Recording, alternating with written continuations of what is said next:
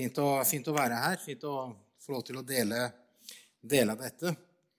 Eh, jeg vet ikke om du har hørt historien om han som, eh, han som er frelst. og så tok det veldig, Han var veldig i kamp i dette her. Så når eh, han var Heter det barberer på norsk?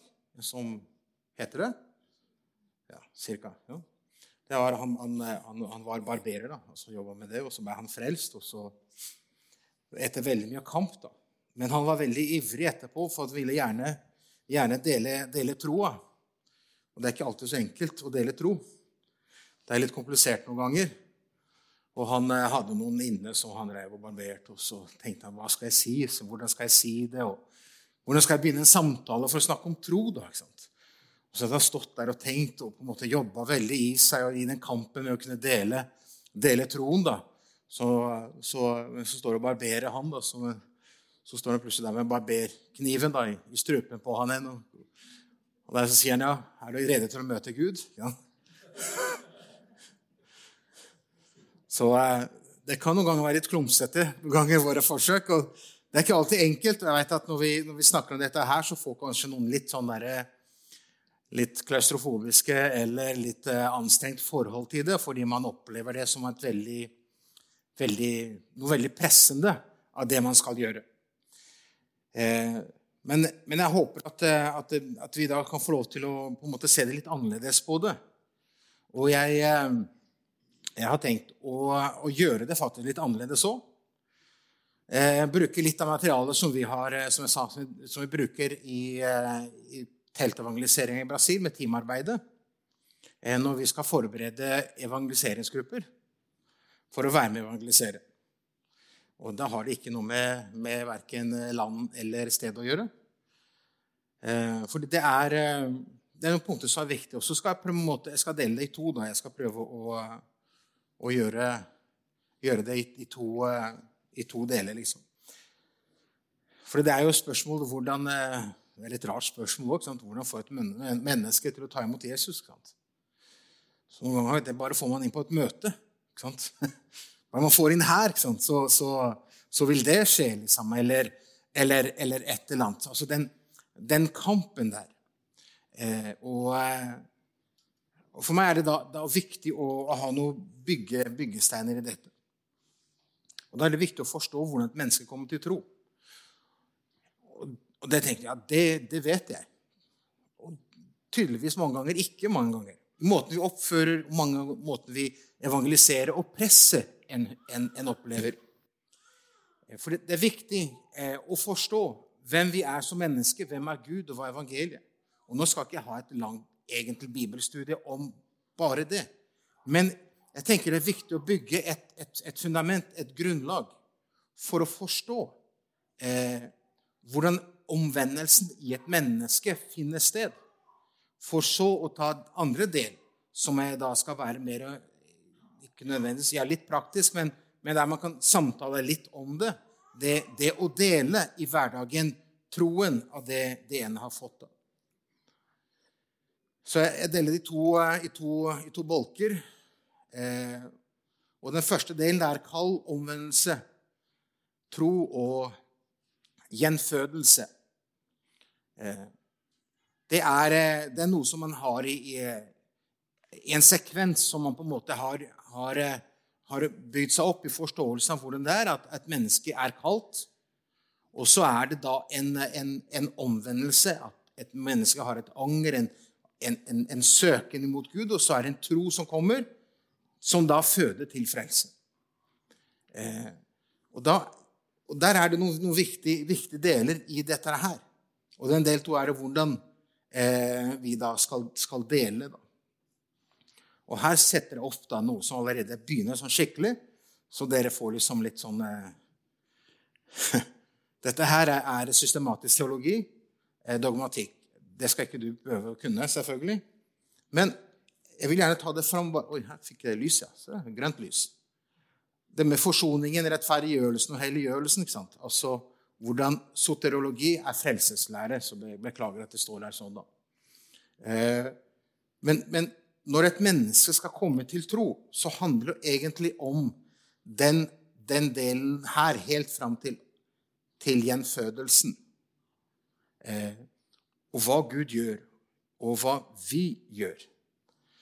Eh, og det er ikke alltid helt greit, sånn skal dere se, eh, å vite helt hva er det som Hvor mye er det vi har en del av, av frelsen, eller hvor mye har Gud? Og da sier vi med en gang at ja, troen er, eller frelsen er av nåde. ikke sant? Eh, men så er jo det sånn at vi må jo si ja. Vi, vi må jo på en måte ta noen steg. ikke sant? Eh, og da er det, er det noen eh, litt sånn forskjellig i, i, forhold til dette som jeg skal ta, ta, etterpå. da.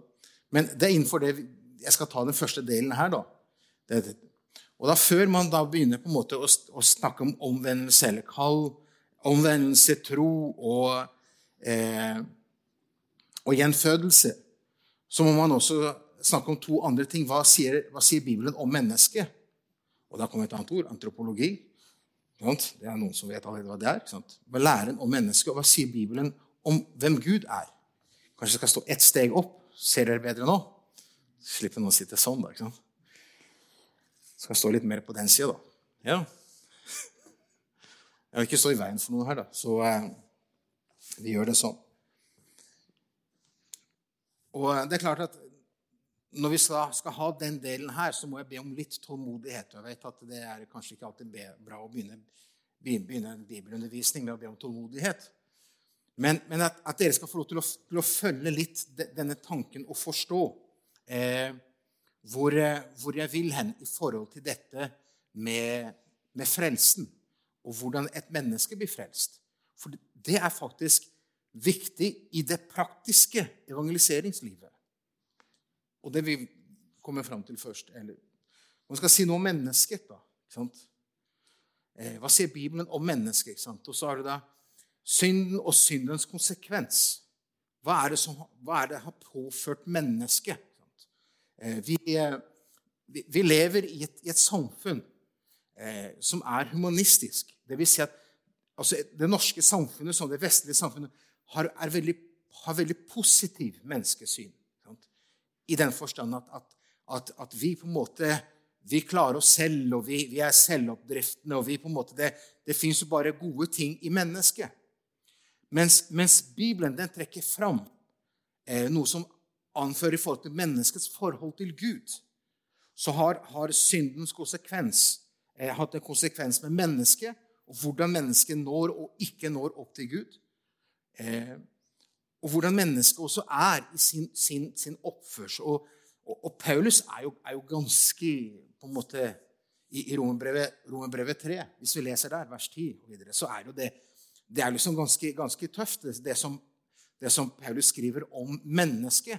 Eh, og hva det står der om hvordan, hvordan mennesket er i forhold til Gud. Eh, og det, det, er et viktig aspekt i det for å forstå. Så hvis vi hvis du slår det opp, da, Romerne kapittel 3 og vers 10 Jeg skal lese noen, noen av de versene her.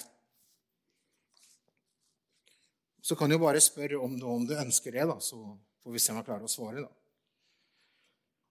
Romerne kapittel 3 og vers 10. Og videre står det eh, som det står skrevet, det er ikke én rettferdig, det er ikke én eneste. Det er ikke én som er forstandig, det er ikke én som søker Gud. Alle er veket av, alle sammen er blitt udugelige. Det er ikke noen som gjør det gode, ikke en eneste. Deres strupe er en åpen grav. De bruker sin tunge til svik. Ormgift er under deres lepper. Deres munn er full av forbannelse og bitterhet. Raske er deres føtter til å utløse blod. Ødeleggelse og elendighet er det på deres veier. Fredens vei kjenner de ikke. Guds frykt er det ikke for deres øyne. Men vi vet at alt det loven sier, det, det taler dem, eh, eh, den til dem som er under loven, for at hver munn skal lukkes og hele verden blir skyldig for Gud. Og du tenker kanskje ja, det var, det var veldig, ikke sant? Og det er et, et, et, bilde på hvordan mennesket og menneskeheten er.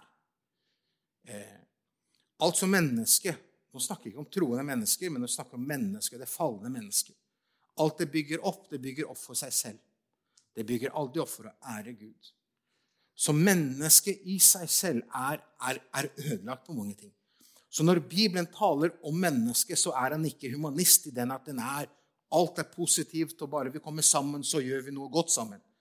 Eh, historien har jo bare bevist at når menneskene kommer sammen for å gjøre noe sammen, så er det verken for å ære Gud, men det er for å ære sin egen, eh, sin egen ideologi eller, eller, eller, sitt eget samfunn eller, eller eget, eh, sin egen kultur. Som man kaller det da, for kulturimperialisme, er jo det liksom at vi er vi i Vesten vi forstår hvordan alt skal fungere, hvordan samfunn, kjønnsroller, familie, oppdragelse, skole og Sånn skal resten av verden også tenke, og så tenker ikke resten av verden som oss. Og så blir det på en måte at man, man på en måte fører en, en, eh, en sak i dette. Så, så Bibelen er veldig klar på akkurat dette her med, med hvordan det ser mennesket. Eh, og så er det et annet viktig vers her. Jeg skal ikke lese så mange i dette her.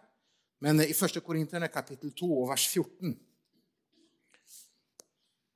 Eh, jeg kunne jo kanskje fått noen til å lese i salen, så, så slipper det bare med meg. Da, men da får, da får, man ikke det opp inne på, på opptaket her, da.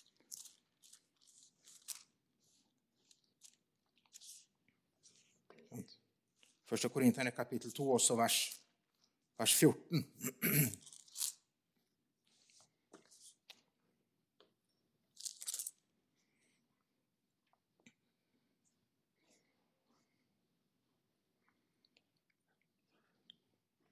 kan lese min oversettelse, her, så står det kanskje litt, litt annerledes på din. da, men, men det sjelige mennesket tar ikke imot det som hører Guds ånd til, for det er en dårskap for ham, og han kan ikke kjenne det. Det kan, ikke, eh, det kan bare bedømmes på åndelig vis. Og Da tok jeg litt ut av sammenhengen der, men i sammenhengen. Men, men her står det om det som har med Gud å gjøre. Mennesket kan ikke forstå Mennesket begriper ikke og forstår det evangeliet har i seg. Eh, og, og, det er litt overraskende for oss, fordi vi vet at evangeliet er et godt bud. Det er et godt budskap. Men for mange mennesker er det ikke godt bud, evangeliet. Fordi hvis du skal ta imot nåden, så må du erkjenne at du er en synder. Hvis du skal ta imot Guds frelse, så må du erkjenne at du trenger å bli frelst. Og for at du trenger å bli, erkjenne det, så må du erkjenne at du kommer til kort. At livet ditt er, holder ikke mål innenfor Gud. Så det er klart at det er et godt bud for det godt budskap for de menneskene som er allerede der. På en måte Livet har gått i stykker, og man på en måte er der i en, i en erkjennelse av at, at jeg klarer ingenting. Men for samfunnet generelt så er er evangeliet dårskap. Og for grekerne, når de opplevde Paulus forkynne, så var det en dårskap. De, de opplevde det bare som noe, noe, babbel av det han forkynte der i, eh, i Apostels hjerne kapittel 17, i hans preken der. Men eh, det å forstå, skal man forstå evangeliet, skal man forstå det fullt ut hvem Gud er, så må det forstås på åndelig vis. Det vil si at man må bli født på ny igjen. Derfor må man ikke være så overrasket når ikke folk syns det å være kristen er noe særlig, og de ikke forstår noen ting av det, og kristendommen hva er Fordi det ligger en begrensning i mennesket til å forstå det hvis ikke Gud hjelper oss der. Det er det som er viktig å forstå. Og Da kanskje du klarer å, å si at nå, det er, jeg er ikke helt der inne på del av evangeliseringen da, men det er viktig å forstå at de menneskene du møter, de har et i sin syndige natur, så kommer de til kort. De forstår ikke evangeliet. De forstår ikke noe med Gud, det med Jesus, det med kristendommen. Det ligger ikke innenfor dems menneskelige forståelse. Det er viktig. Derfor er det og Da kommer vi på andre delen her som, som jeg kommer til å snakke etterpå. Dette med omvendelse. Dette med kall, omvendelse, tro. Alle disse stegene er noe som Gud på en måte føder i oss og drar oss til ham. Gud må gjøre det en overnaturlig jobb i vårt indre, i vårt menneske, for å dra oss til ham. For vi, vi har ikke den kraften, den kunnskapen, den visdommen til å gjøre det selv. Så, eh, så det er viktig å forstå. Dette med mennesket. Hva er mennesket oppi, oppi alt dette? Hvorfor det, det, det, det henger sammen. Og så er det viktig at man forstår eh, hvem Gud er, og hva, hva, han er, også i dette her. Du tenker ja, jeg vet jo Gud er jo Det er jo den allmektige. ikke sant? Det er Gud Fader. ikke sant? Det er han som sendte sin sønn. Eh, men det er viktig å forstå i det aspektet at, at Gud har en vilje i seg til å frelse mennesker. Det er han som vil det. Det ligger også viktig når vi skal på en måte dele evangeliet med mennesker, om det er familie eller venner eller nabo, så, så skal man ikke prøve å overbevise Gud at ja, kjære Gud, se til han. sant?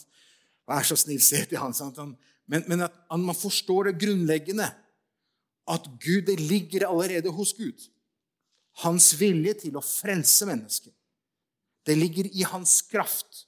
Han ønsker å se at alle mennesker skal bli frelst. Men et viktig vers her er jo Efesabrevet kapittel 1, også vers 4, og egentlig litt i sammenhengen der. For å forstå den, denne viljen. Den er ikke født av at plutselig så, så på en måte kom, kom syndefallet, eller plutselig så, så, ser man at det med Israel gikk ikke helt greit. Eller, eller han sendte sin sønn, og så på en måte ble ikke det helt, og så er det plutselig Jesus som på slutten, etter at han har stått opp fra de døde, sier at vet du hva, ja, gå derfor ut og gjør alle folkeslag til disipler. altså Misjonsbefalingen er liksom ikke sånn, den siste utveien. Gud har prøvd alt annet. Ja, akkurat som om Gud på en måte, han, han handler fordi vi handler. Men at man kan forstå at Gud, den allmektige, han handler i sin forutviten av alle ting. Det er viktig å forstå. Ha et, viktig, ha riktig gudsbilde i til det aspektet når vi møter mennesker, og når det har med evangeliet å gjøre. Efeserbrevet kapittel, kapittel 1, også vers 4. Jeg må lese det verset, som er viktig. sant? For i ham har han uttalt oss før verdens grunnvoll ble lagt, for at vi skulle være hellige og ulastelige for hans åsyn.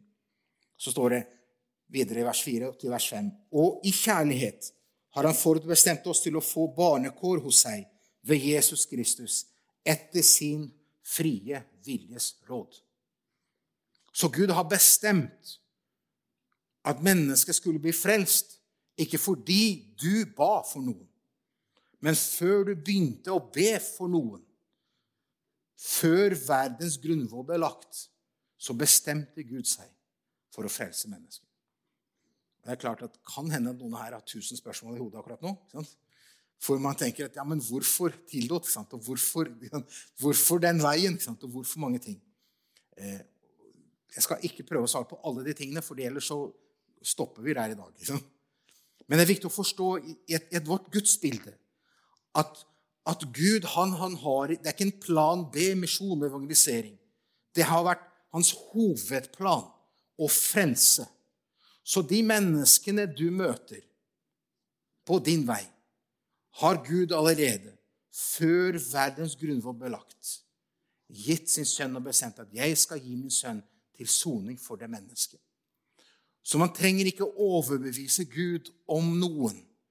At Gud på en måte skal ha noe kjærlighet for den eller for den situasjonen. Men at man har et viktig, riktig bilde av Gud.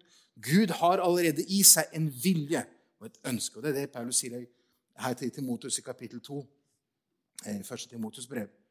At Gud vil at alle mennesker skal bli frelst, står det der. Det ligger hos Gud. Det er Guds ønske. Ok, dere forstår det? Ja? Det er i orden, ja. ja flott. Ja. ja. Men, men dere, dere, ser hvor viktig det er å, å tenke Jeg skal bruke her før jeg sier mer. Eh, dette her, altså Romerne kapittel 3, vers 23-24. Altså 22-24 egentlig. også. Kristus døde for alle. Sant? Det er viktig å forstå. Jesus døde for alle. Sant? Den, Jesu forsoning. Sant? Kristus forsonet Gud forsonet eh, verden med i Kristus. Så der har vi hele forsoningen. Så Gud har gjort alt. Sant? Så all, all, synd er jo tatt. Eh, det er viktig å forstå dette her. Eh, og jeg vet at dette her er selvfølgelig som frie venner, så i Kristus så har vi, har vi en del av det. ikke sant? Men jeg ville ta med det uttrykket her som William Carey sier. Misjonær, pionermisjonær, som reiser til India. Han sier 'Våg store ting for Gud. Forvent store ting av Gud'. Eh, Det var en bestselger av misjonsbok for dette for noen hundre år siden. Ja. Men han, han, han, sier noen nøkkelord som han som misjonær i India. ikke sant? Våg store ting for Gud, og tenk, eller forvent store ting av Gud. Man har oversatt det forskjellig, på forskjellige måter, så egentlig er det bedre å bruke det engelske. Men, men man kan bruke 'forvent' eller 'tenk store ting'. Fordi jo mindre vår Gud blir, jo mindre er vår forventning til hva Gud kan gjøre gjennom ditt liv og med andre menneskers liv. Så Derfor er, er det viktig at man forstår hvor begrensa mennesket er for å forstå det du prøver å si. Og samtidig hvor se hvor allmektig Gud er, som kan vende om menneskers og kongers hjerte. Det er veldig viktig, de, de, to tingene, når man da skal snakke om den neste delen, som handler omvendelsen, kan man snakke om troen, eller så kall noe omvendelse tro, eh, og rettferdiggjørelse, eller, eller, gjenfødelsen, eller bli født på ny. Eh, så men du må bare spørre om det er noe som er, er uklart i dette her, eller du ikke helt, eh, helt, helt forstår. For det andre aspektet i dette her som er, er viktig å forstå altså Evangelisering, det å drive misjon, det å dele evangeliet, det er, det er både villet av Gud, og Gud er aktiv i det. Gud er aktiv i det. Det var det som åpenbarte seg for, for Saul på veien til Damaskus. Det var Gud selv. Saul, Saul, hvorfor forfølger du meg? Gud er aktiv. Så det er ikke du som er aktiv, og Gud er passiv, og så skal han bare se hva du klarer. Gud er aktiv i alt dette. Og nå må jeg bare gå videre, ellers så tida er meg her. ikke sant? Dele Kristus eh, med de rundt oss. Og da, nå har vi snakka litt om mennesket, så har vi snakka litt om, om, Gud, og så er det å komme tilbake til det, til det første spørsmålet mitt. Sant? Hvordan er det et menneske blir frelst, eller et menneske kommer til tro. Sant? Hvordan er den prosessen? For hvis et menneske ikke forstår evangeliet, ikke sant? hvis ikke det har muligheter for å forstå de åndelige ting, hvordan blir da et menneske frelst? Og Det er, det delt opp sånn. Det er jo helt, litt sånn, det er ikke helt naturlig, for det er ikke alltid det skjer på den prosessen, selvfølgelig. Men, men det er et, et, et, bilde for å vise hvordan Gud han må handle i våre liv. Sant? Det første så har du det, det kallsaspektet i dette. At Gud, han, eh, han er den som, eh, eh, som kaller. ikke sant? Jeg skal lese to, to bibelvers som er viktige i dette. her. Det er Romanbrevet kapittel 8.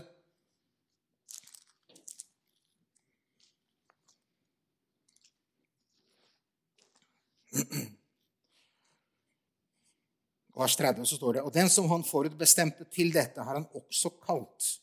Og dem han har kalt, har han også rettferdiggjort. Og dem som han har rettferdiggjort, dem har han også helliggjort. Sant?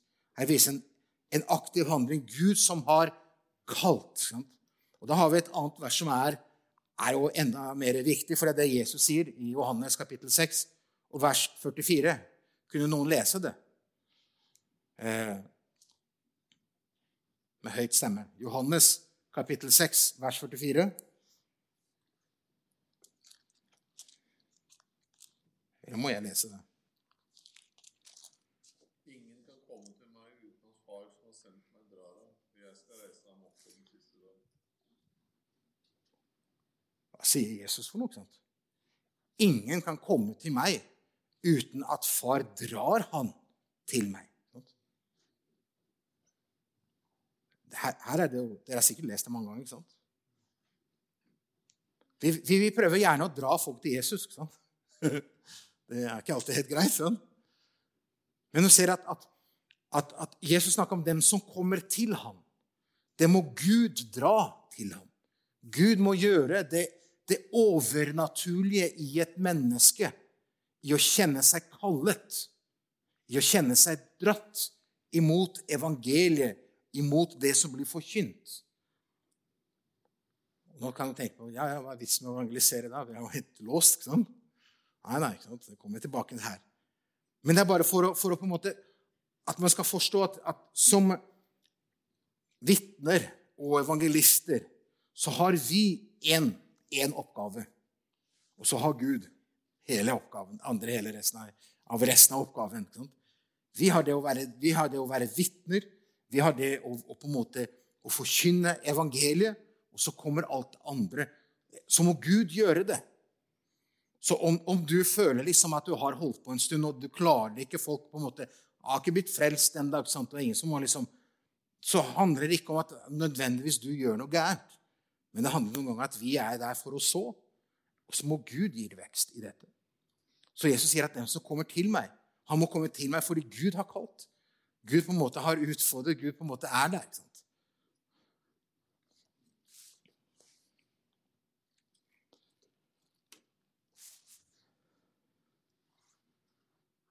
Og Vi kan se på f.eks. Eh, Lydias eksempel i hennes Bare ta, ta den ene versen. Når Paulus kommer til, eh, til Filippi og forkynner, forkynner, evangeliet For her har de en med det, med det jeg leste tidligere angående forståelsen av, av det åndelige. Å forstå det åndelige ting. Sant? Første Korinterne kapittel, kapittel 2, vers 14, som jeg leste. er, altså, vi kan ikke forstå hvis ikke Gud viser oss det. står det i Apostels gjerne kapittel 16. Også der i vers 14 så står det eh, Vi kan lese vers 13. Da. På sabbatsdagen gikk vi utenfor byporten ned til en elv hvor de pleide å holde bønn. Vi satt oss der og talte til kvinnene som var kommet sammen. En av dem var en kvinne ved navn Lydia, en purpur, men eh, purpurkremmerske fra Tyatira, som dyrker Gud etter jødenes tro. Hun hørte på, og her er det viktig, og Herren åpnet hennes hjerte, så hun ga akt på det som er talt av Paulus. Gud måtte åpne hennes hjerte. Gud må, må på en måte åpne menneskets hjerte. For henne var det at Gud måtte åpne, ellers så forsto hun ingenting. Så ble hun låst inn i jødedommen og kunne ikke se Messias. Og se, Dette for å bare vise hvordan menneskets situasjon er. At det ikke, Hvis ikke Gud handler sant, for å overbevise, hvis ikke Gud på en måte er en aktiv del i dette, så kan vi bare gi opp. Fordi vi kan ikke overbevise noen mennesker. De kan ikke på en måte få mennesker til å forstå evangeliet og nåden, hvem Gud er, hvis det ikke Gud på en måte gjør det. ikke sant? Og han gjør det ved, ved sin ånd.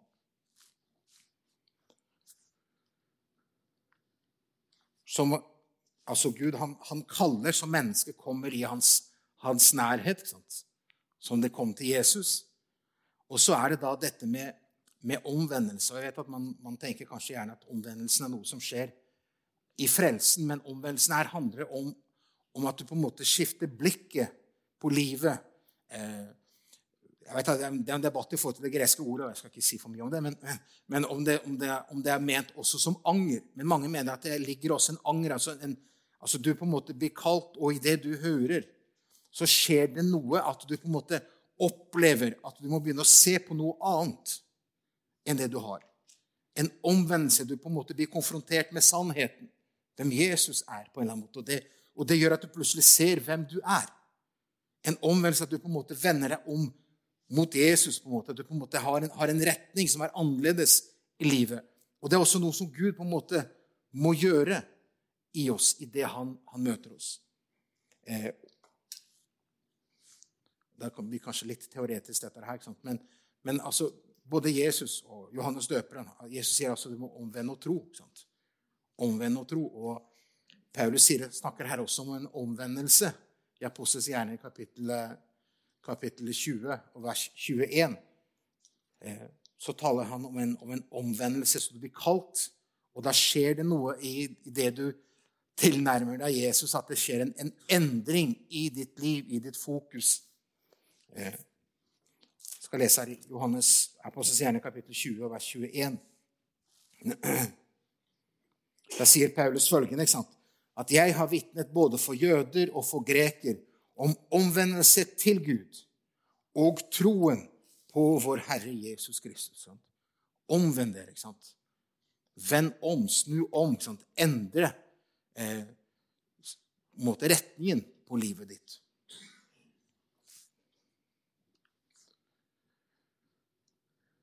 Så snakker Paulus om sorg, da, om sorg som, som Herren kan, kan, føre i menneskets liv, som fører til omvendelse. Ikke sant? Og Det kan jo noe som man i gamle dager kalte for, eh, for eh, eh, altså at man kom, kom i syndenød. Man, man, opplever plutselig sitt eget liv. Man opplever plutselig at, at her, her, her er, jeg er her ikke verdig. ikke sant? Plutselig så opplever man å se at virkeligheten er følgende at, at mitt liv er låst.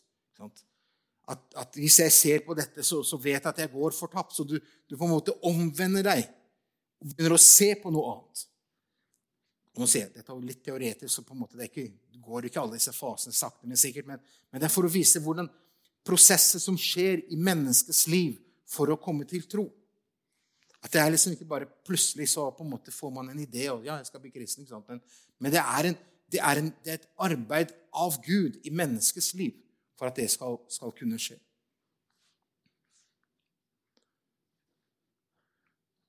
Jeg går litt fort for at jeg ikke skal stoppe opp her. Men du må bare stille spørsmål om det er noe som ikke du, du forstår. ikke sant? Så altså, Deler Kristus med dem rundt også er det hvordan mennesker blir frelst og Gud kaller. Og så er det da, blir man utfordret til omvendelse.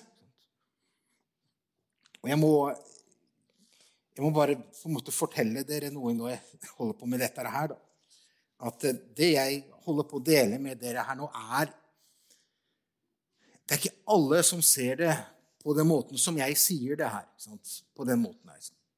Eh, fordi man, er, har jo man kommer av forskjellige sammenhenger.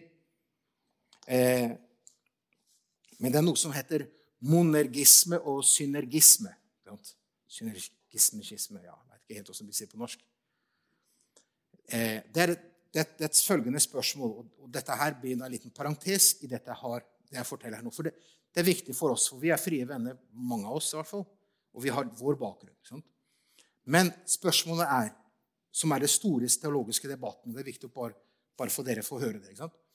Hvor mye har, har Gud Eller for å si det på en måte Altså, hvem har eh, Hvem fører oss til frelse? Er det bare Gud? Eller er det et samarbeid mellom meg og Gud? Sant? Er det bare Gud, eller er det et samarbeid? Om det er bare Gud, så er det på en måte at det er Gud som må kalle, og du går. Fordi Gud kaller deg. Du klarer ikke å stoppe. En omvendelse er Gud på en måte overbevise deg, så du kommer i syndenød, og du klarer ikke noe valg. Eh, så er det det med troen, og så kommer du til slutt at du på en måte du kommer til en tilstand du ikke klarer å si nei, fordi du blir bare frelst fordi Gud drar deg. Så du har ikke, du har ikke noe valg. Eh, den lutherske kirke har jo tro, for det kan få forutbestemmelse, har jo tro på den, den, den Når vi snakker om monarkisme, lutherske kirke mener det at, at, når Gud kaller deg, så kan ikke du si nei. Du følger kall. Guds, Guds kall er så sterk at du kan ikke si nei. Og heller ikke i omvendelse av kallet er der. Så så det er Gud som gjør hele den jobben. Også fordi de mener at hvis vi har muligheten til å si ja eller nei i noe av den prosessen, så er plutselig ikke frelsen bare nåde. Der er det noe gjerning òg, fordi vi på en måte sier noe. ikke sant? Og Det mener jeg selvfølgelig ikke er, helt, er, er ikke korrekt. fordi, eh, Og der kommer den andre, den synergisme, som det heter. Synergisme, ja. Det er sånn teologisk, Du kan google det, så får du, får du opp alt dette her. Eh, og det er jo det at, er at Gud, han, det er Gud som kaller, for det må fødes av Gud. Men jeg kan stå imot kallet. Det er Gud som på en måte åpenbarer at jeg må omvende, men jeg kan stå imot omvendelsen. Sant? At jeg hele tida har et valg i hele den prosessen i å stå Gud imot. Men kalvinister og mange av disse gamle lutheranere de, i hvert fall når det gjelder den prosessen der, de mener at du kan ikke stå imot det. Altså du, du på en måte, Gud han leder deg inn i det, og du kan ikke, du kan ikke stoppe.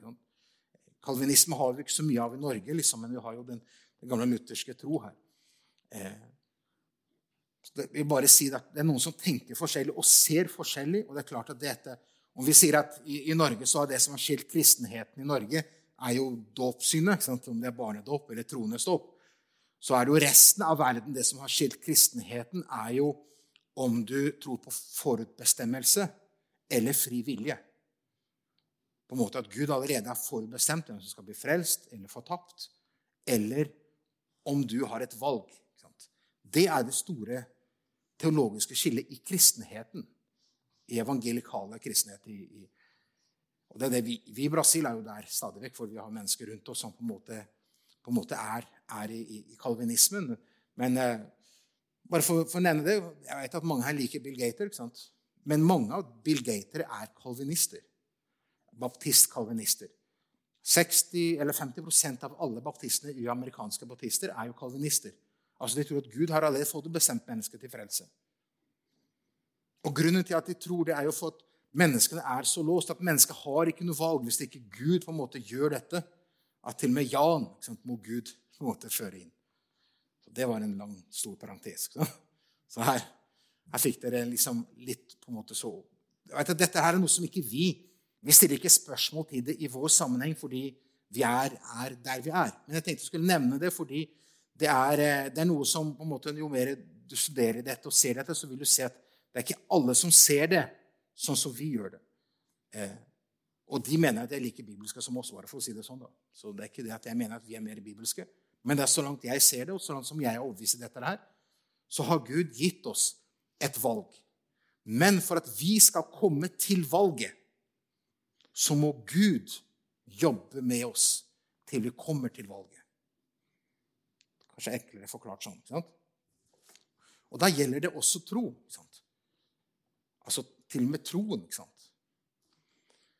Snakk om frelsende tro. Altså, altså Paulus han, eh, han, er veldig klar på dette med, med, med, med troen, og at troen kommer av, av forkynnelsen. Forkynnelsen av Guds ord. Troen er en gave. Så, så, men når vi snakker her om den troen her, så er det den frelsende tro. Det er jo rart ord å bruke, for det finner ikke du i Bibelen. Du finner ordet tro, ikke frelsende tro. Men det er på en måte noe man har på putta inn for å, for å vise det er, det er forskjellige typer tro. Også, altså, Djevelen tror jo på Gud. ikke sant? Men det er ikke, det er ikke en frelsende tro. En frelsende tro er en tro som inkluderer kunnskap. Ikke sant? Jeg forstår sant? hva evangeliet er, hva Jesus gjorde for meg. Jeg, og, og, jeg aksepterer at han døde for meg. Og så må jeg ha en tro til tillit. At jeg på en måte gir på en måte troen. Gir mitt liv til ham. Det er en, det er en aktiv tro. Og Jeg skal gi noen eksempler her. ikke sant? Nikodemus, når, han kommer, når han kommer til Jesus der i kapittel 3 i Johannes evangeliet, vers 2. Og videre så, så er Nikodemus selvfølgelig nysgjerrig på, på, på, på, det Jesus har å si. Men han, han begynner med å si til Jesus eh, disse følgende, følgende ord. sant? At 'Rabbi, vi vet at du er en lærer kommet fra Gud.' For ingen kan gjøre disse tegn som du gjør, uten at Gud er med ham. Sant? Så du har en, en på en måte Nikodemus, han, han, har kunnskapen, han, han, forstår at det er noe guddommelig, noe overnaturlig. Men han har ikke en tro at, den, at han på en måte har en tillit til Jesus. Og Det er her i denne sammenhengen selvfølgelig at, at Jesus åpenbarer at en mann kan ikke komme inn i Guds rike hvis ikke han blir født på nyen. For det som er født av kjød, er kjød, og det som er født av ånd, er av ånd, sier Jesus. Et annet eksempel her kong Agrippa, som Paulus han står overfor. Og så, og så, har Paulus sitt forsvarstale samtidig som han, han forkynner evangeliet til kong Agrippa. Så sier han følgende her i Apostels gjerninger, kapittel 26, altså vers 27 og 28. Så står det sånn Kong Agrippa, tror du profetene? Sant? Eh, sier Paulus. Jeg vet at du tror. Men Agrippa sa til Paulus, det mangler lite for at du overtaler meg til å bli en kristen. Han hadde kunnskap. Han aksepterte at det Paulus sa, var sant.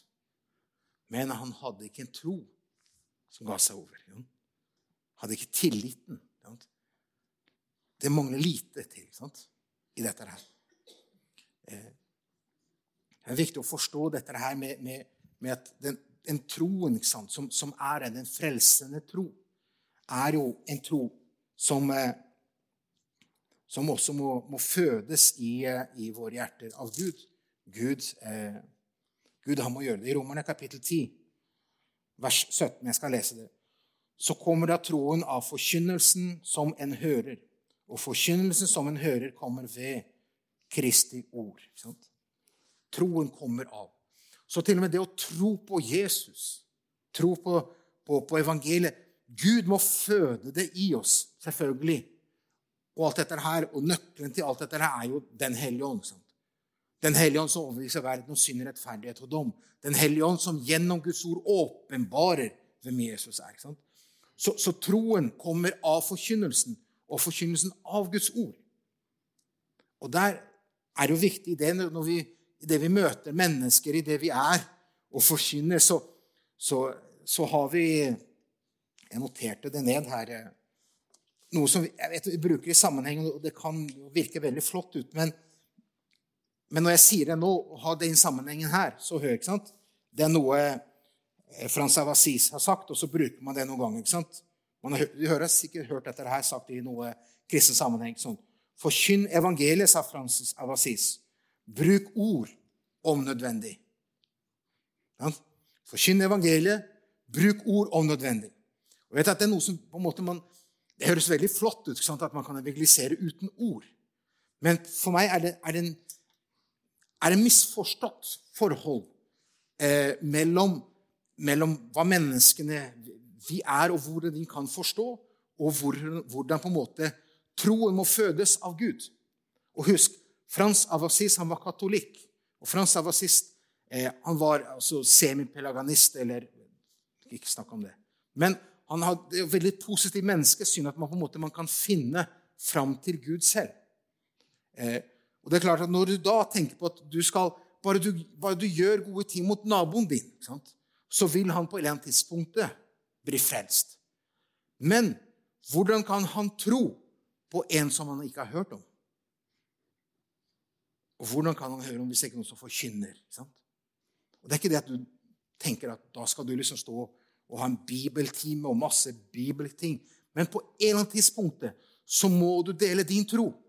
Så må du dele troen, hvorfor du tror på Jesus, og hvem han er for deg. Troen kommer av forkynnelsen, forkynnelsen av Guds ord. Hvis du kutter det ut, så, så på en måte faller alt sammen. fordi da, da blir på en måte de fine gjerningene du gjør mot naboen din, de blir bare gjerninger. De, de skjønner at du er et annerledes menneske, og de er veldig takknemlige for alt det fine du gjør. Men hvis ikke de vet hvem Jesus er, hvis ikke de forstår noen ting av det med evangeliet, så hjelper ikke du at du gjør alle disse gode gjerningene. Så den ene her, det å gjøre gode gjerninger, det å være, være en god nabo, har jo med det av at man på en måte skal bygge broer. Så man får tillit til mennesket, så man på en måte mennesket ser at, at du lever det, det, du tror. Så på et eller annet tidspunkt så åpner det seg for evangeliet, så du kan få lov til å dele din tro. Men dette er veldig viktig, at troen må bli delt. Troen kommer av forkynnelsen. Så ikke-kristne mennesker de har ikke en tro og en levende tro. Og Jeg skal ta et siste eksempel etter kaffen, for nå går snart alarmen om ett minutt. Ja. Jeg skal ta et siste eksempel om tro, eh, og, og, hva det da vil si å ha en en levende tro. Eller en frelsende tro. Ok? Da tar vi pause nå.